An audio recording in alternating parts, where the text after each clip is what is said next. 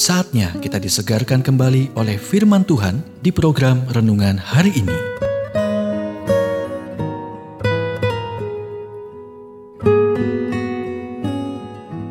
Renungan hari ini berjudul Keintiman dengan Yesus Rahasia Kemenangan.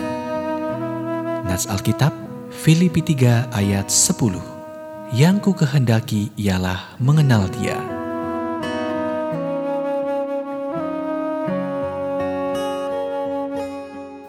Paulus mengatakan, "Yang ku kehendaki ialah mengenal Dia dan kuasa kebangkitannya dan persekutuan dalam penderitaannya, di mana aku menjadi serupa dengan Dia dalam kematiannya."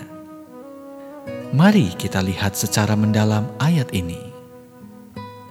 Yang pertama, yang ku kehendaki ialah mengenal Dia.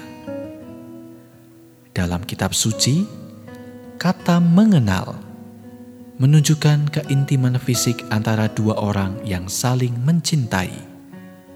Sebagai contoh, kemudian manusia itu bersetubuh dengan Hawa, istrinya, dan mengandunglah perempuan itu, lalu melahirkan Kain. Kejadian 4 ayat 1 Yang kedua, dan kuasa kebangkitannya apa yang mati dalam hidup Anda yang perlu dibangkitkan? Tidak ada masalah yang tidak dapat ditangani oleh kuasa kebangkitan Kristus. Dan bagaimana Anda memperolehnya? Ketika Anda menjadikan keintiman dengan Kristus sebagai prioritas utama Anda, Anda memanfaatkan kuasanya. Beberapa dari kita akan lebih nyaman jika ayat itu berakhir setelah kata-kata kuasa kebangkitannya.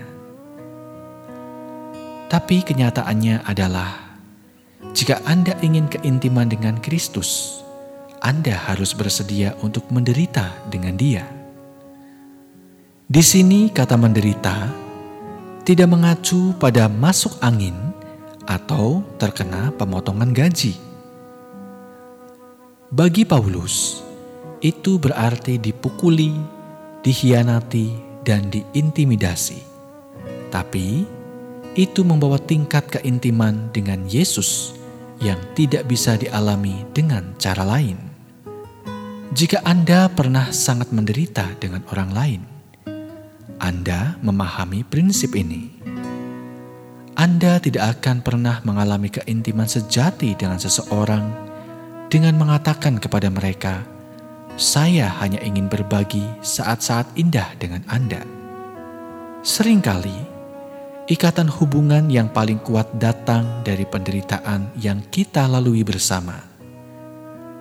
Cobaan yang membuat kita saling mengenal, mencintai, dan percaya dalam dimensi yang lebih baru dan lebih dalam.